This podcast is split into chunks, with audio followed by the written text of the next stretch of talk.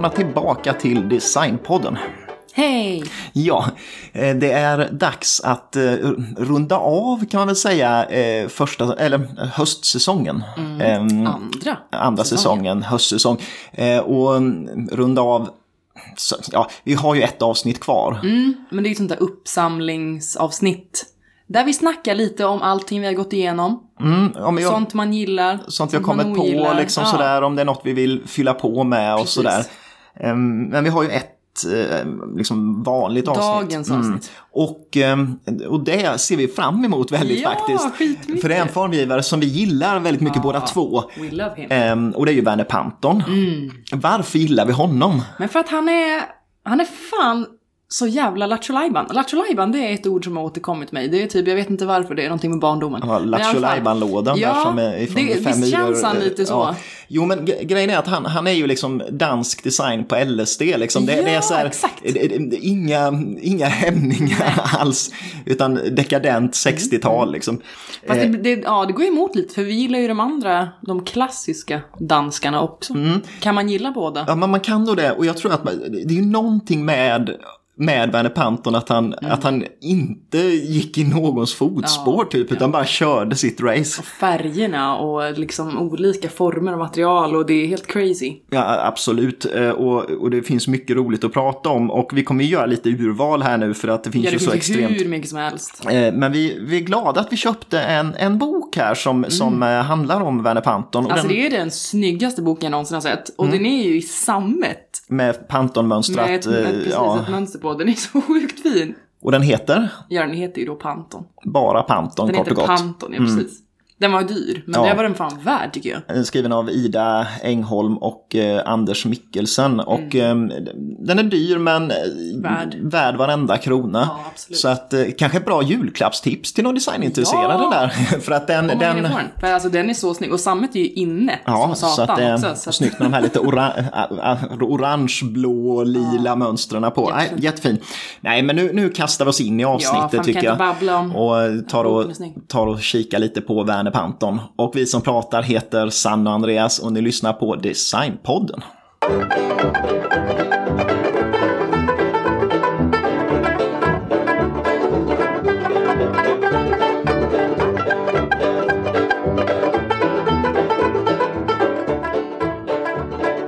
Werner Panton mm. föddes på den danska ön Fyn mm. 1926.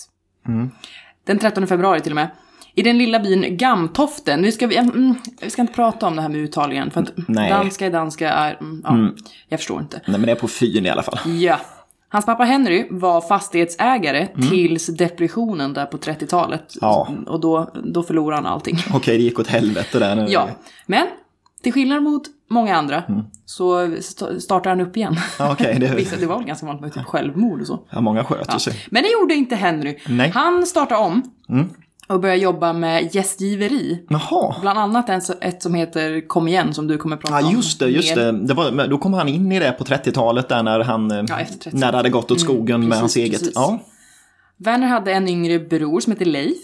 Och eh, föräldrarna skiljer sig och eh, efter det så flyttar Leif med mamman Ellen till ön Lolland. Mm. Lolland, det visste inte jag att det fanns en ö som hette. Nej, det, så här, det låter som... Det låter som godis. Ja. I alla fall, mm. Werner behöll kontakten med mamman och, och Leif och reste ofta dit på helger och mm. högtider. Men Werner kom att få tre halvbröder. Ja. Den äldste hette Ole och han var tydligen konstnär och designade bland annat lekparker, vilket jag tyckte var väldigt kul. Eller liksom, det har jag mm. aldrig tänkt på som ett jobb. Nej, men det finns det säkert idag ja, också. De som är specialiserade ja. på så här vad som är, så inte barnen hänger sig i lekparkerna. Oh, liksom. Gud, det, det, måste finnas så mycket problematik. Och regler kring det där. Oj, oj, oj, I alla fall, det gjorde han, så mm. han inspirerade ju Werner också.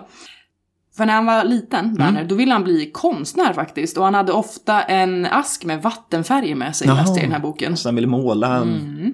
Istället började han dock studera arkitektur, eller ar arkitektur som man ska säga om man ska vara korrekt. Men, mm. Och det är ju inget ovanligt för de här männen vi har pratat om. Nej, nästan alla har ju haft mm. någon sån bakgrund. Och mamma Ellen var ju väldigt glad över det här för att det var ju lite mer ekonomiskt säkert att vara arkitekt än att vara konstnär. Ja, det är svårt att leva på att måla vattenfärger mm, ändå. Antagligen. Han studerade i alla fall på Konstakademin i Köpenhamn. Mm, han också där. ja. Mm. Men han så här pimpade sitt eh, plugg lite grann och kom med kompletterande kurser i bland annat ingenjörskonst, marknadsföring och produktionsteknik. Just det, just det. Det kan jag förstå att han gjorde för Mm. att eh, det har man ju nytta av. Precis då, för att han insåg att hans idéer inte skulle kunna bringas till liv med det som fanns. Nej. Så genom dessa kunskaper i alla fall kunde han hjälpa till att utveckla nya tekniker kring produktionen så att hans idéer kunde bli verklighet Mm. Ja, helt enkelt. ja. Och han ska tydligen ha varit väldigt, väldigt envis och Ja. verkligen skulle genomföra sina idéer. Och, i- och ingenting kunde stoppa honom. Nej, liksom, det spelar ingen roll om andra sa att det här... Nej.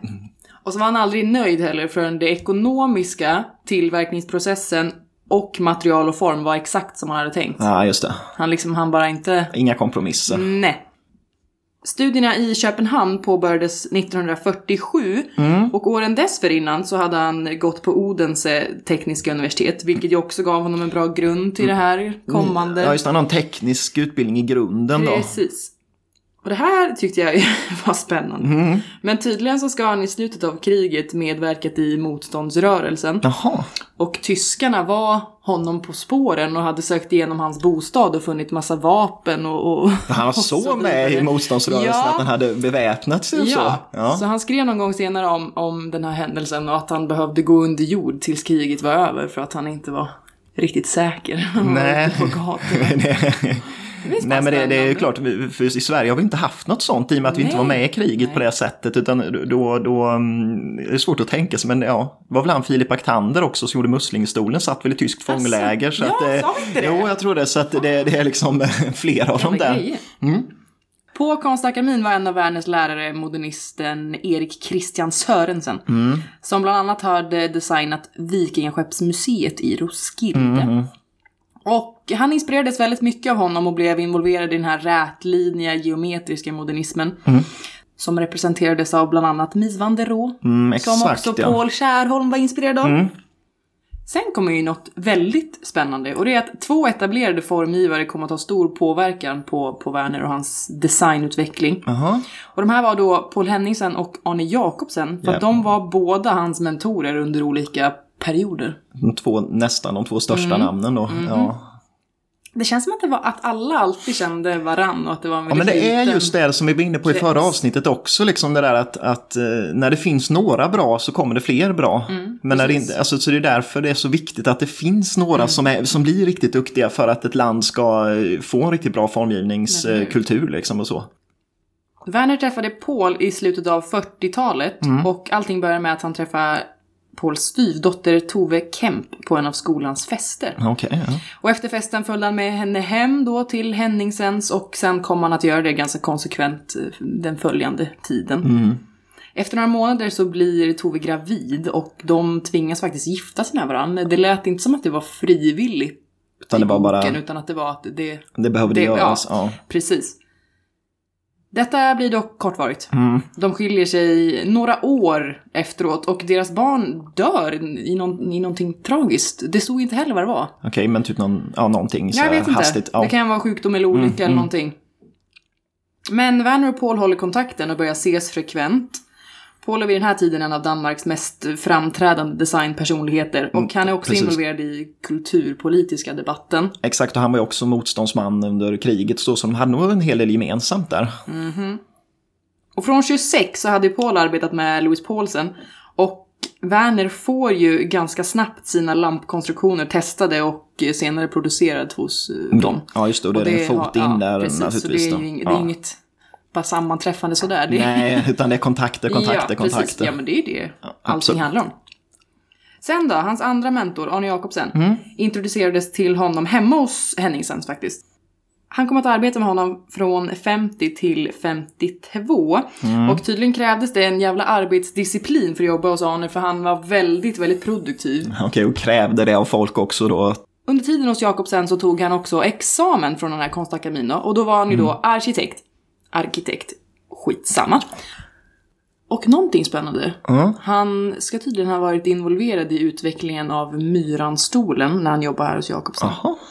Och eh, ja, det är lite oklart hur mycket inverkan han hade på, på myrans Ja, form och funktion.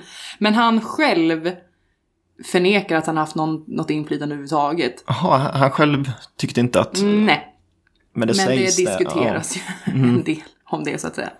Jakobsen och hela den internationella modernismen ansåg ju att designa möbler och objekt var underordnat byggnader och arkitektur. Och därför passar det bra att lära sig genom att börja formge möbler istället Aha, för ja, hus. det. Att allting man tänkte att man... Att hus, det var, det var liksom det bästa, Slutsteget. ädlaste man kunde Ja. göra. Tydligen ska Werner också ha fått en rätt som mager lön hos Jakobsen och enligt Werner själv så ska Arne ha haft ett motargument att det är Werner som borde betala honom för alla lärdomar som han Ja, ger ut. Det är klart. Det är nästan, det köper jag nästan alltså. Ja, faktiskt. Och ja, även om de inte alltid kom överens då så menar ändå Werner att han lärde sig mest från Arne än någon annan.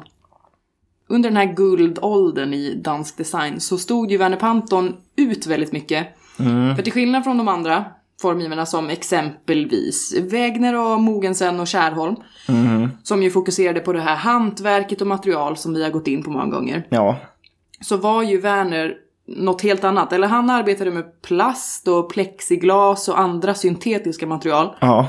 Och han producerade ju också i synnerhet till massan och eh, industriellt helt enkelt. Ja, precis. Ehm, Så det, han är ju en motsats. I mångt och mycket, ja, Ja. absolut.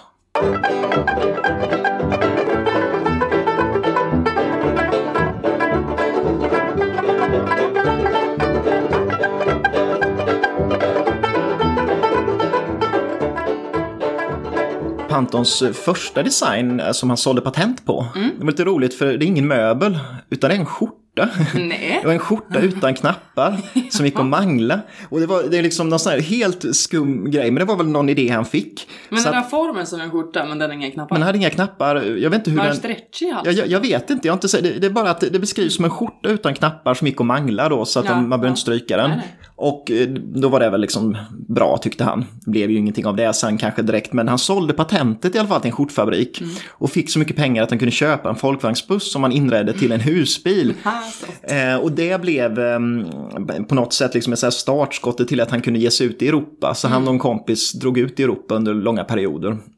Och eh, Werner Panton bodde i den här husvagnen under, under den här tiden. Och även när han var tillbaks i, i eh, Danmark igen så bodde han i husbilen och parkerade hos vänner så här, ut på deras garageuppfart så här, och bodde där.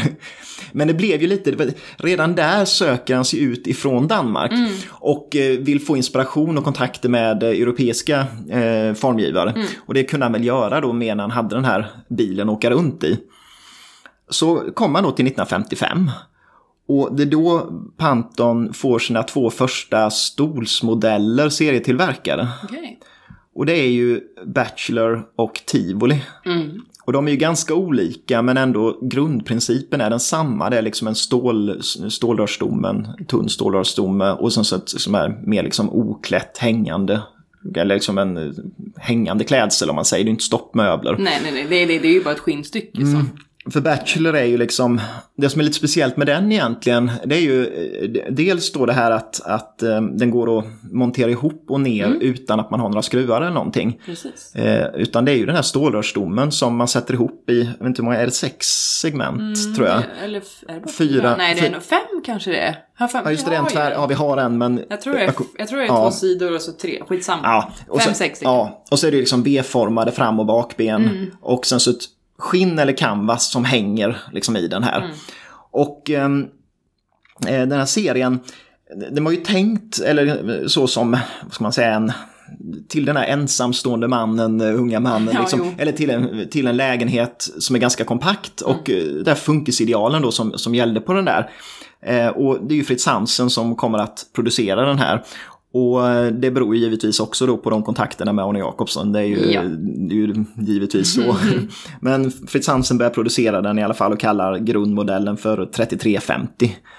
Eh, sen kom det även, eller han tog fram samma år där, både fotpall och bord i den här serien också. Och det blev ju den blev populär och lyckad och kanske också just, den stack ut lite grann men ändå håller den ju vissa klassiska, liksom. Den har ju inte absolut. blivit riktigt Panton-formspråk än. Nej, där. nej. Den går inte att sitta i. Nej, den går inte att sitta i. Det, det är det tråkiga med den. Eller det kanske gick när den var ny. Ja, går jag vet inte, den är inte bekväm med den Nej, inte. fy fan. Eh, Men tydligen har de de här stolarna, nu finns inte det kvar, men i ett eh, atom, eh, eh, atomskyddsrum heter det, i, i Danmark. I det skyddsrummet där regeringen bland annat skulle gå ner i ifall det skulle bli kärnvapenkrig. Men vill man inte sitta skönare? Nej, vet du, där har de, eller hade de då fram tills de la ner det, hade de bachelor chairs. Men en, alltså en annan stol då som kom samma år är ju Tivoli. Och den är kanske ännu viktigare egentligen. Eller fick mest, liksom ännu mer uppmärksamhet på något sätt. Och, och den ritades åt en restaurang på Tivoli då, eh, nöjesfältet i Köpenhamn. Så det är därför den du- heter vad har du betonat Tivoli. på i? Tivoli. Ja, Tivoli. Det låter finskt, jag vet Ja. fan. Tivoli. Men, men den är också stålrörsstomme, men här är det ju en svetsad stomme som eh, inte går att montera ner. Eh, och den påminner ju lite om en sån här klassisk 50-tals trädgårdsstol egentligen. Och sen så är, uh, liksom är, den, är det ingen klädsel utan repsnöre som är lindat i rygg och sits. Ehm, och den togs först fram på en fabrik där på Fyn som uh, Werner Panton hade delägare i den där och eh, han producerade den där först. Men den blev populär och uh, Fritz Hansen eh, köper fabriken för att få rättigheterna på stolen då. Så att det, Nej, bara för stolen. ja men typ, det var ju en, under samma period som man tillverkade Bachelor på Fritz Hansen så de tyckte väl att det var en bra, bra deal där. Dock ska man komma ihåg att det, det var inte många år som de här möblerna producerades. Och det berodde dels på att Bachelor var svår att, alltså, svår att få ihop bra. Liksom. Det var svårt när man skulle producera den att, att eh, få det bra helt enkelt så att det inte blev skev och, och, Ja, och så. Eh, och eh, Tivolistolen höll inte i repen. Så, att jag eh, så det tog något år sedan så var de utslitna och då fick de problem med, med Ja, ja. Liksom, reklamationer och sånt. Det förstår man. Men idag finns eh, båda i produktion. Och det är Montana som tillverkar dem. Eh, så är en dansk firma det med. Mm. Och, eh, men de har ju ändrat så, så Tivoli-stolen har ju någon sån här lite mer plastrep typ i. Något och då, mer hållbart. Ja, och då håller det ju på ett annat sätt. Dock får den inte heta Tivoli längre. Nej. För när de tog den i nyproduktion så stämde Tivoli Nej, Montana. vadå? Ja, så de fick inte använda Jävla namnet. arsle. Så att nu heter den Panton One. Heter den. Så att det är, så, provocerande. men det är samma stol i alla fall. Ska inte de tycka det är lite bra men lite Nej, det tyckte de uppenbarligen inte då. Men eh, Panton fick väldigt mycket uppmärksamhet för de här båda stolarna. Eh, och eh, många gillade dem. Men tidningen, eller så magasinet Mobilia, som var ju kanske ledande magasinet för eh, design, eh, de skrev att det var den enklaste och mest anonyma stol som tillverkats i Danmark. Och det var om Tivoli-stolen. Och det var ju lite, lite så här, eh, mm, vad ska man säga, li- lite elakt. Men egentligen var den ju inte det.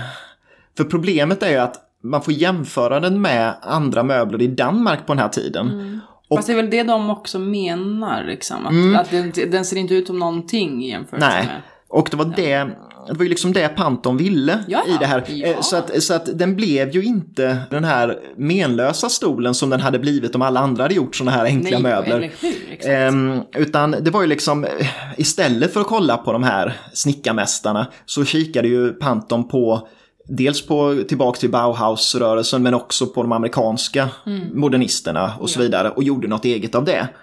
Och Paul Henningsen gillade ju det där. För han hade sagt tydligen, när han var på 34 snickarlaugsutställningen då, Oj. så hade han kikat på det och så hade han sagt att i hela mitt liv har vi inte hit, eh, brytt oss om annat än att byta träslaget vi använder. Va? Det- var hans kommentar till då, de där möblerna som fanns. Så han tyckte inte att det hade hänt någonting. Nej. Och Panton, jag hittade ett citat av Werner Panton också Ah, från, så här, om liksom, hans formgivning som förklarar rätt mycket tror jag. Och det, han sa så här att Dansk design är för mig Jul, Wägner, Mogensen och några till. De var otroligt talangfulla, men vi har inte mycket gemensamt. Det är inte alls jag. Det är förmodligen orsaken till att jag lämnade Danmark. Jag var helt enkelt inte skapt till att göra deras grej. Och jag var inte he- heller det minsta intresserad av det. Jag har alltid velat göra saker annorlunda, alltid velat hitta nya vägar. Det är en drift jag inte kunnat motstå. Det är också ett handikapp. Det är lättare att göra det andra vill att du ska göra. Att ha egna idéer är inte direkt ett recept på popularitet. Nej. Nej. Och det sammanfattar väl lite hans, eh, Oh, ja. hans formgivning. Ja, och vad han tänker om det. Ja. Mm. Men ehm, det, det tog inte så lång stund innan Panton kom in på det här med att göra miljöer och byggnader lite mer så. Mm, Ehm, eh, och det hela var ju den här Kom igen krog då, Ja. som eh, hans eh, pappa var föreståndare på. Ehm, för att eh, 1958 så skulle krogen byggas ut. Eh, och innan var det här ett ganska så här klassiskt kroghus, en Ja. klassisk dansk byggnad, eh, typ till sekelskiftet så här kändes Ja, den som när man ser det. bilderna. Va? Ehm, och Pantons farsa där lyckas då få ägaren till den här byggnaden att, ehm, att gå med på att hans son då ritar utbyggnaden och får Mm. göra hela inredningen. Och det är ganska vågat ändå, ja, för Panton är ju inte Ja, etablerad alls och dessutom ska han ju go crazy då här. Men han går med på det för han ser väl ändå potentialen i det. Eh, och den, eh, byggnaden låg ju liksom ja, på Fyn nära Odense liksom, men, men det var ju inte, det är ju inte mitt inne i stan liksom, så att man vet ju inte hur folk ska ta emot det. Eh, och det, man, det, det Panton ritade då byggnadsmässigt var liksom en lådformad paviljong typ, som bestod av eh, cement, trä och sen så bara nästan bara glasväggar. Eh, så den känns mycket som Mies van der Rohe typ själva den byggnaden. Men sen upphör ju likheterna helt och hållet där va. För att eh, liksom inredningen, den är ju, nu börjar man ju se Pantons eh, liksom inredningsstil. Eh, färgskalan är fyra nyanser av rött. Yeah! Eh, väggar med optiska mönster. Eh, och sen Panton använde sina, de här tivolistolarna bland annat. Men resten av inredningen då specialritade han till, till den här eh, paviljongen. yeah. Så att då var det liksom allt ritade han. Han ritade textilierna, han ritade till och med uniformerna som personalen hade. De hade är röda uniformer. allt. Så att det var varenda jäkla grej. Gud, allting har rött där inne. Mm. och då var det, han ritade en serie taklampor som är ganska fina. Då. Det är, det är liksom ringformade lameller som hängde i vajrar och så kunde man då ställa dem i höjd beroende på vilken ljusvinkel liksom, man vill ha på det. Och em, det är också kanske första gången då när Panton börjar att visa att han vill använda ljuset som en del av designen. Va? För att de där ringarna som skuggorna gav gick igen i de optiska mönstren på jag förstår. väggarna och så vidare. Och det här blev ju jätteuppskattat. Alltså folk åkte, det var så tusentals människor som åkte och tittade på det här innan det var klart ens. Bara för att se genom glasen och vad de höll på med där inne liksom. Och så där. så att det var ett bra drag.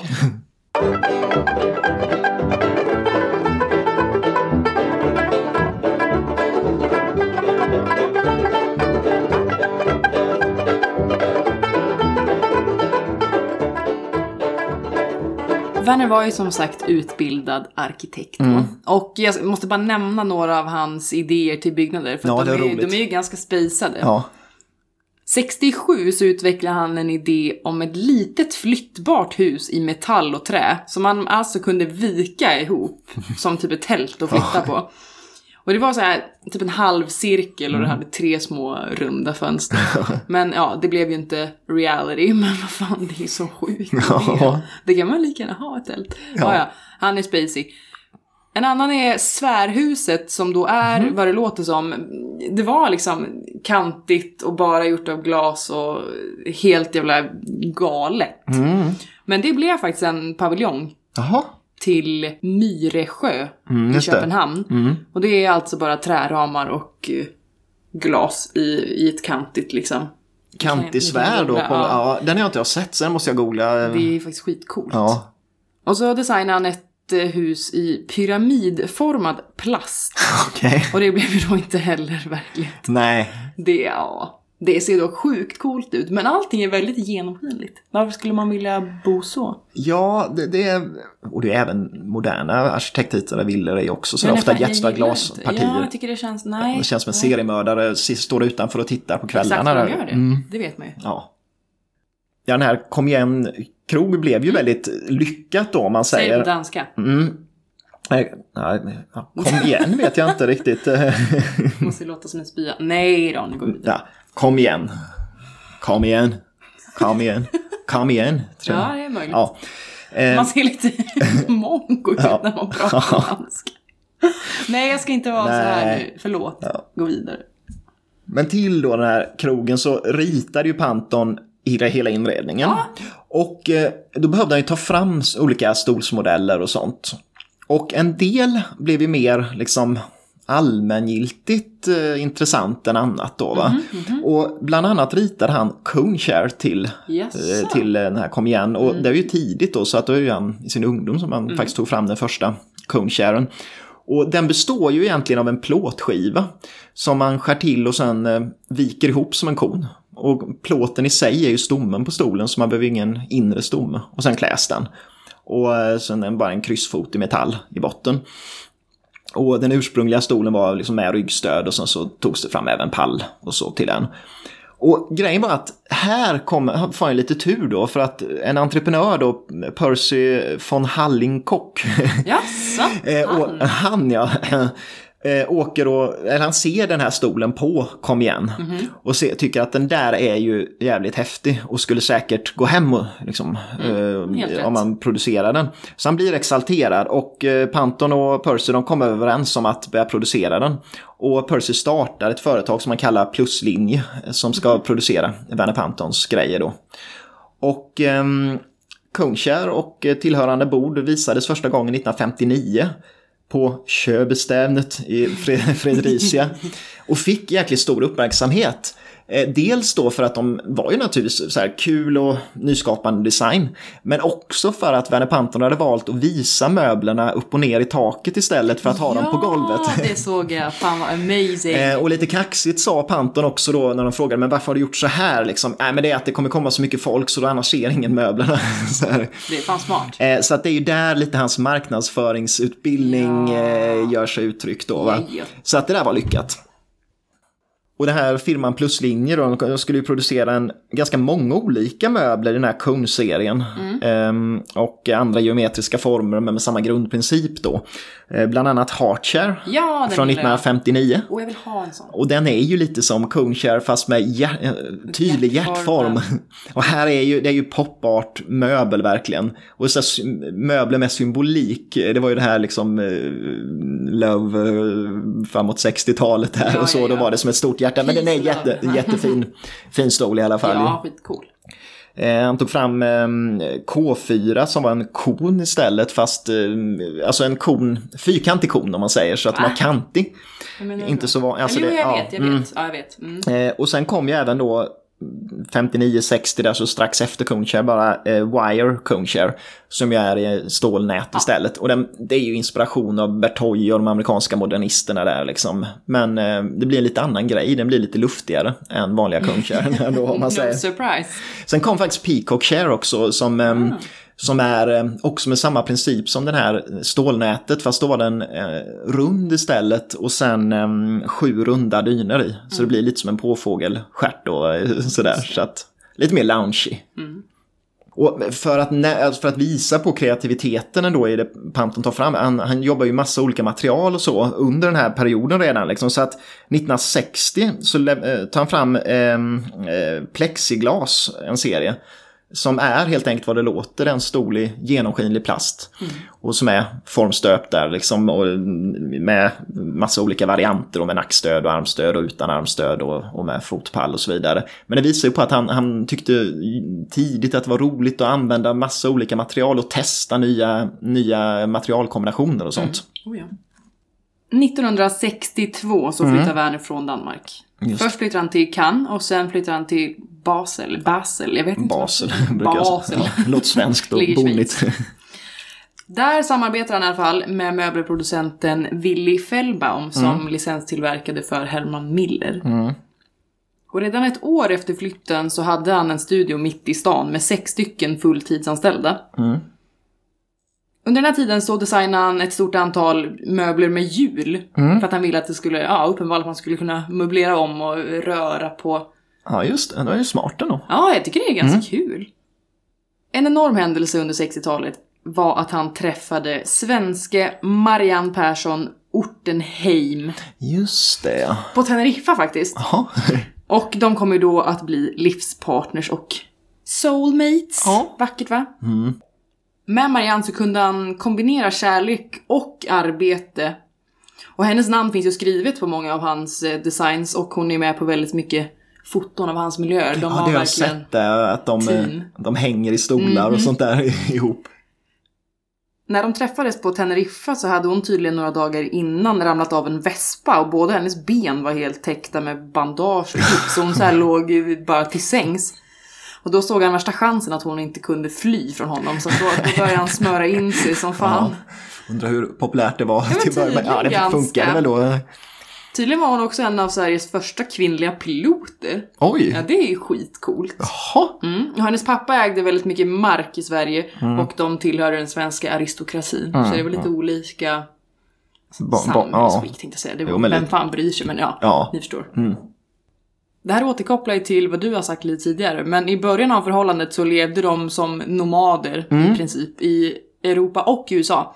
Och det var ju då mest för att de flyttade mellan olika tillverkare. Just det. Och då ville de ville vara nära kanske då, Ja, produktionen och ja. se över den och så. Mariannes roll var ju typ hans manager, så hon höll koll på alla möten och allting som var viktigt egentligen och han var den här mer konstnärliga. Mm. När de inte var på resande fot så var ju då Basel deras eh, fasta punkt. Ja. Och 1964 så gifte de sig och 66 föds deras dotter Karin och då ger de ju upp det här nomadlivet. Mm. Ja, det blir svårare. Ja. I början av 70-talet så var Werner så pass framgångsrik att de sålde huset de hade då i Basel och så köpte de istället två andra fastigheter. Oj. En trevånings herrgård i en förort till Basel, Ja. Mm. Binningen, och ett sommarhus i danska staden Hornbäck, Mm. antar jag att det heter. Och interiören i huset i Binningen, det måste man googla på för att det är det coolaste jag någonsin har sett. Ja, den, alltså. jag har sett bilder där. Alltså, Matsalen var ju ett svartvitt av hans mönster på hela väggarna. Mm. Och så hade han eh, krom Pantella golvlampor. Och så hade han en enorm, alltså hela taket var en stor skallampa. Du går in lite mer på ja, det jag gör det sen, men, men eh, Det var i alla fall massa, taket. tusentals Ja, med pärlemorskal i hela taket. Och så hade han ett enormt grått stenbord med svarta pantonstolar runt. Alltså det ser så sjukt... Ja, ni måste i alla fall kolla det. ja, kan vara det coolaste huset man har Ja, sett bilder ifrån. Det är bara att googla Panton House, antar jag. Ja, ja. Det, det är fan värt. Ja. Jag tänkte jag skulle nämna ett till sånt här projekt som man kan googla på Mm. för att det är så jäkla coolt också. Och det är Hotell Astoria i Trondheim Mm. som Werner Panton eh, ritade 1960 I Norge. i Norge. Ja. Och det är ju inte, inte huset i sig inget roligt eh, och det hade han inget med att göra. Men de skulle bygga om eh, matsalen, eller restaurangen på eh, Astoria. Och då hade de ju sett bilder ifrån eh, Kom igen och hört hur mycket uppmärksamhet den hade fått i Danmark. Så då valde de att Panton skulle få göra det och få fria, fria, fria händer då liksom till, till det. Och det skiljer sig ganska markant åt liksom byggnaderna egentligen för att eh, i Danmark då är det ju glasat och öppet och nära naturen och så här. Här ligger det mitt inne i Trondheim. Och så ska det inte vara insyn heller för att tydligen var något med, med norsk alkohollagstiftning då att man inte skulle Jaha, man dricka öppet och så. Nej. Och det passade ju Panton väldigt bra egentligen det här urbana och att kunna göra lite mer som grottor man gick in i nästan då. Va? oh, ja. Så att väggar, tak och golv täcktes med mattor och tyg i mönster geometri 1 och 2. Det var ju så här fyrkantiga och cirkulära mönster då. Eh, och ehm, eh, sen så belysningen, det var i huvudsak eh, topanlampor och topan tror jag många har sett för en finsk produktion än idag. Och det är ju en, ett klot bara helt enkelt och som har skurit bort den nedersta lilla delen då va. Men de lamporna som, eh, som fanns i, på Astoria, de var lite specialvariant som hade lameller ner till också som spred ljuset lite annorlunda så det var nästan ett helt klot då istället. Var någon färgskala. Eh, det var väldigt olika skulle jag säga mellan olika delar, men typiska Panton-färger Ja, på ja. det då. Sen blir ju alltså en topanlampa, det, ju, det blir ju ingenting direkt. Nej. Men när man har hundra i en matsal och sådär, då, då blir det ju helt idiot-crazy allting då va. Um, och Topan kom faktiskt att bli Pantons första serietillverkade lampa Mhm. som gjordes för Louise Paulson där. Okej. Men ehm, om man säger på Astoria här så att googla det för att det är ju det första, alltså första exemplet kanske där Panton verkligen gör de här helhetslösningarna med hela miljöerna där alla, alla ytor i ett rum är täckta med samma färger och så. För det är det som gör att det blir en grotta mer eller alltså en, ett, en koja man kryper in i och Det inte ett... eh, Ja, det är ju liksom nästan. inte ett vanligt rum och man tappar orienteringen. Jag tror Panton gillade det, att det var nog likadant som att han hängde stolarna upp och ner i taket. det liksom att man ska inte riktigt förstå vad som är upp och ner och eh, så. Va? Så att eh, jäkligt rolig miljö. Finns det kvar idag? Jag tror inte det, för jag har inte sett några moderna bilder på, på miljöerna. Det är nog inte många av de här miljöerna som finns kvar, tyvärr.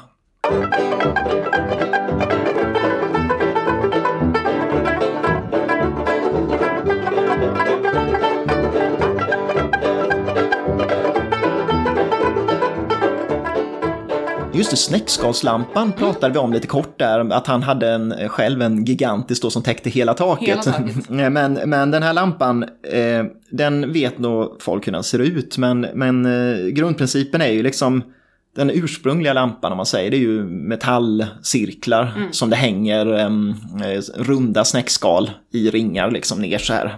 Och så finns det även varianter då med kedjor i sådär uppifrån. Och de, den presenterades i Köln på möbelutställningen där 1964. Och kallades eh, The Shell Lamp eller Fun Lamp. Fun Lamp hette serien då som mm. den tillhörde. Och eh, Pantons tidigare lampor hade ju mer varit så klassiskt modernist. Om man, om man tittar på eh, Flowerpot, Flowerpot och, och dem så, så eh, då, då är det ju mer man kan tänka sig att någon annan har gjort dem. Mm. Men här, men, men snäckskalslampan är ju inte klassiskt dansk utan den, den känns ju, det är ju något annat om ja. man säger. Och eh, det roliga är att han kombinerar ljud och ljus, och det var en tanke med den. Ja. var det här att man får lite klirrande av eh, prismerna. Eh, och eh, sen var det också det här att få in det orientaliska i inredningen. För det gick väldigt hand i hand med eh, liksom hippie, 60-talets mm, hippie-rörelse och så då va. Och det kallades luxury hippie ibland, hans mm. grejer, för det var jävligt dyrt men det var ändå hippie så att det var lite dekadent eh, sådär. Och eh, Funlamp gjordes ju i en mängd utföranden och det finns ju allt ifrån de här gigantiska ljuskronorna då till enkla små taklampor och även golvlampor finns ju och så i samma serie. Mm. Och eh, tillverkaren där var en schweizisk firma som hette J. Lyber som tillverkade de första snäckskalslamporna. Eh, 1970 kommer en vidareutveckling av den här och det är ju Ball Lamp eh, mm. som är Principen är densamma, men då är det istället plastbollar som hänger i, liksom i rader uppifrån. Och den blir lite mer rymdig. Då släpper man det orientaliska och så blir det rymd och den blir, känns lätt i rummet på ja, något sätt med de här kloten liksom som hänger ner. Mm. Och de finns ju också i allt ifrån flera meter stora lampor till bara mindre, enkla. Men om man tänker Werner Panton, mm, idag så om man tänker möbler så är det ju en speciell möbel som de flesta förknippar med honom. Mm. Och det är ju den här eh, klassiska Pantonstolen. Den här gla, eh, gla, eller plaststolen egentligen idag som är liksom lite S-formad mm. Eh, och som är stöpt i ett stycke. Men det var ju en, egentligen en ganska, ja det var, det var inte helt naturligt att det skulle bli en sån stol egentligen alls. För det var väldigt många formgivare som hade försökt göra just det här, göra en stol i ett enda mm. stycke. Vet du, vi pratade ju om eh, Makarna Eames som försökte göra det till den här Organic eh, Design-utställningen på MoMA. Och det gick ju inte, de lyckades inte. Vad Kärholm? Ja, jo, jag kommer in på det för att mm. grejen är att Panton vill i alla fall, han ser det som sitt här, liksom, um, ett mission, han ska lösa det här. Eh, kosta vad det kosta vill och ta hur lång tid det vill då. Va? Och han, eh, på 50-talet redan, sent 50-tal då, så, så formger han en stol i form, formpressat plywood. Som är i ett enda stycke. Men det är svårt att hitta en producent som kan göra den här stolen. Men till slut så går Torné med på att oh, men vi kan nog producera den. Men det är inte för 1965 som de har mm. tekniken för att göra den. Men då börjar de tillverka Pantons så kallade S-stol eller S-chair. Eh, och det är ju en, en liksom lite zigzagformad stol i ett enda stycke. Men med lite Pantonformer i kanterna mm. förstås. Och den har, det syns att, att liksom Panton inspirerats av eh, Garrett eh, Ritwell som ritade sin zigzagstol 1932. Och den har ungefär samma grundform som Pantons stol, fast mm. eh, stolen från 30-talet är i tre stycken som är ihopsatta istället i trä. Och Panton lyckades ju lösa det där, så han, han, då har han ju tagit fram en stol liksom i ett mm. stycke. Grejen är väl bara det att Pantons experimenterande, han, han nöjde sig inte med det, utan han, han kom fram till att jag vill göra en stol i plast i ett stycke. Det är mitt nästa mission. Och det visade sig vara betydligt svårare.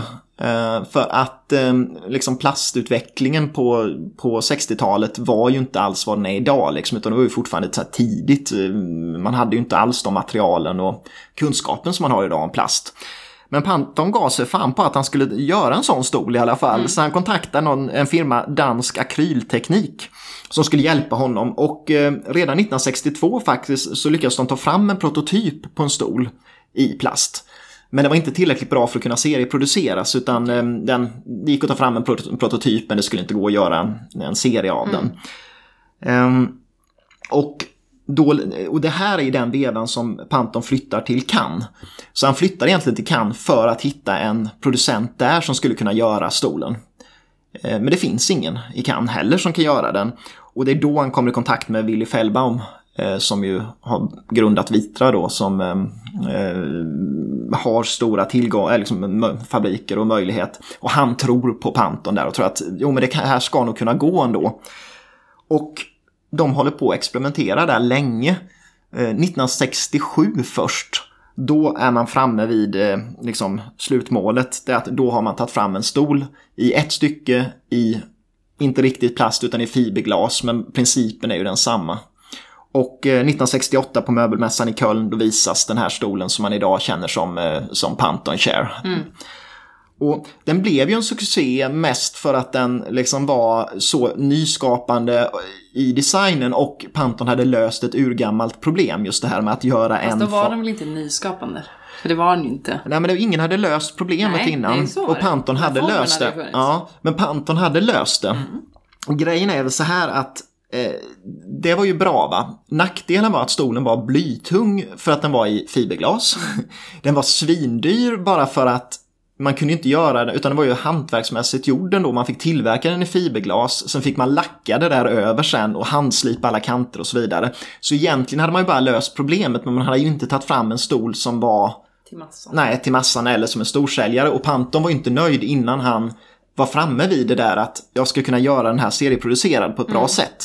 1971 så kommer ett, liksom ett, eh, en, en brytpunkt där då lyckas Panton lösa problemet. Mm. För han kommer i kontakt med ett nytt material, eh, termoplast, som tydligen är hållbarare och bättre för att formstöpa möbler i än eh, annan plast. Eh, materialet kallades Luran S när det var så här eh, eh patentsökt. Ja, det låter som uran eller något. Men det... Mm. Och då fick man göra om formen lite på stolen och lägga till några små stag som ju finns idag också under sitsen där så att den blir lite hållbarare. Men då kunde man producera den i, eh, liksom bara gjuta den i ett stycke. Och fördelen var ju också att då är det ju färgad massa rakt igenom, mm. så det behöver inte lackas och Nej. det blir inte repigt eller naggat eller något sånt. Men sen som du var inne på här, eh, Kärholm till exempel. Eh, för både Kärholm och även Gunnar Agard Andersen blev väldigt arga på Werner Panton mm, när Werner Panton presenterade sin mm. stol. Och det beror på att både då Paul och Gunnar, de hade också gjort en i princip likadan prototyp. Eh, vi var inne på det, vi har instagrammat eh, det här tidigare på vårt instagramkonto apropå Paul Kärholm. För att när vi var nere på Designmuseet så såg vi en prototyp som, i, som var tillverkad i eh, typ hönsnät och mm. eh, vad heter det, papier-maché. Mm. som, är liksom, som såg exakt ut som eh, Pantons stol. Då. Men det var ju inte Pantons prototyp utan det var ju Paul Kärholms mm. prototyp. Um, så att de var ju jävligt förbannade. Um, till slut så um, ebbade det där väl ut och det man kom fram till i designkrets och även när tidningen Mobilia, de, de kom fram till att, att liksom ja, det är en sak att göra en prototyp av något som du ändå inte kan förverkliga. Ja. Men om du lyckas genomföra det så är det den personen som har, form, äh, liksom, som har gjort stolen ändå. Så att man får väl säga det, men Panton har ju givetvis inspirerats av stolen han har sett på, på Designmuseet eller på, i Köpenhamn. Mm. Liksom.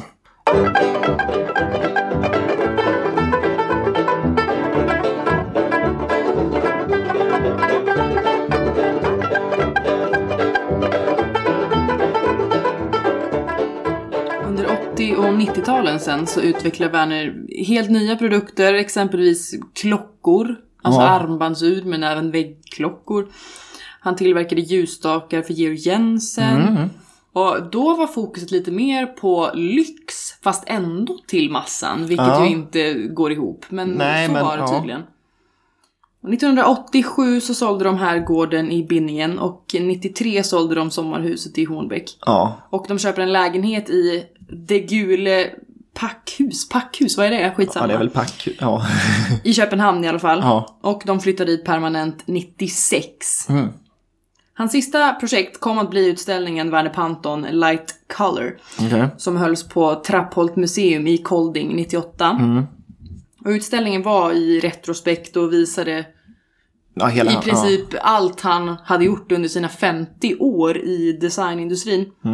Men Werner hinner dock inte vara med på den här, och inviga den här utställningen utan han dör faktiskt i sitt hem några dagar innan bara. Oj, innan, precis innan utställningen. Ja, det var ju synd. 72 år gammal. Ja, han var inte så gammal egentligen. Fast ändå äldre än många andra. Ja, kära honom, de dog ju unga så att... Ja, men det ska vi inte gå in på för då får jag ångest. Ja, usch. men så var det i alla fall.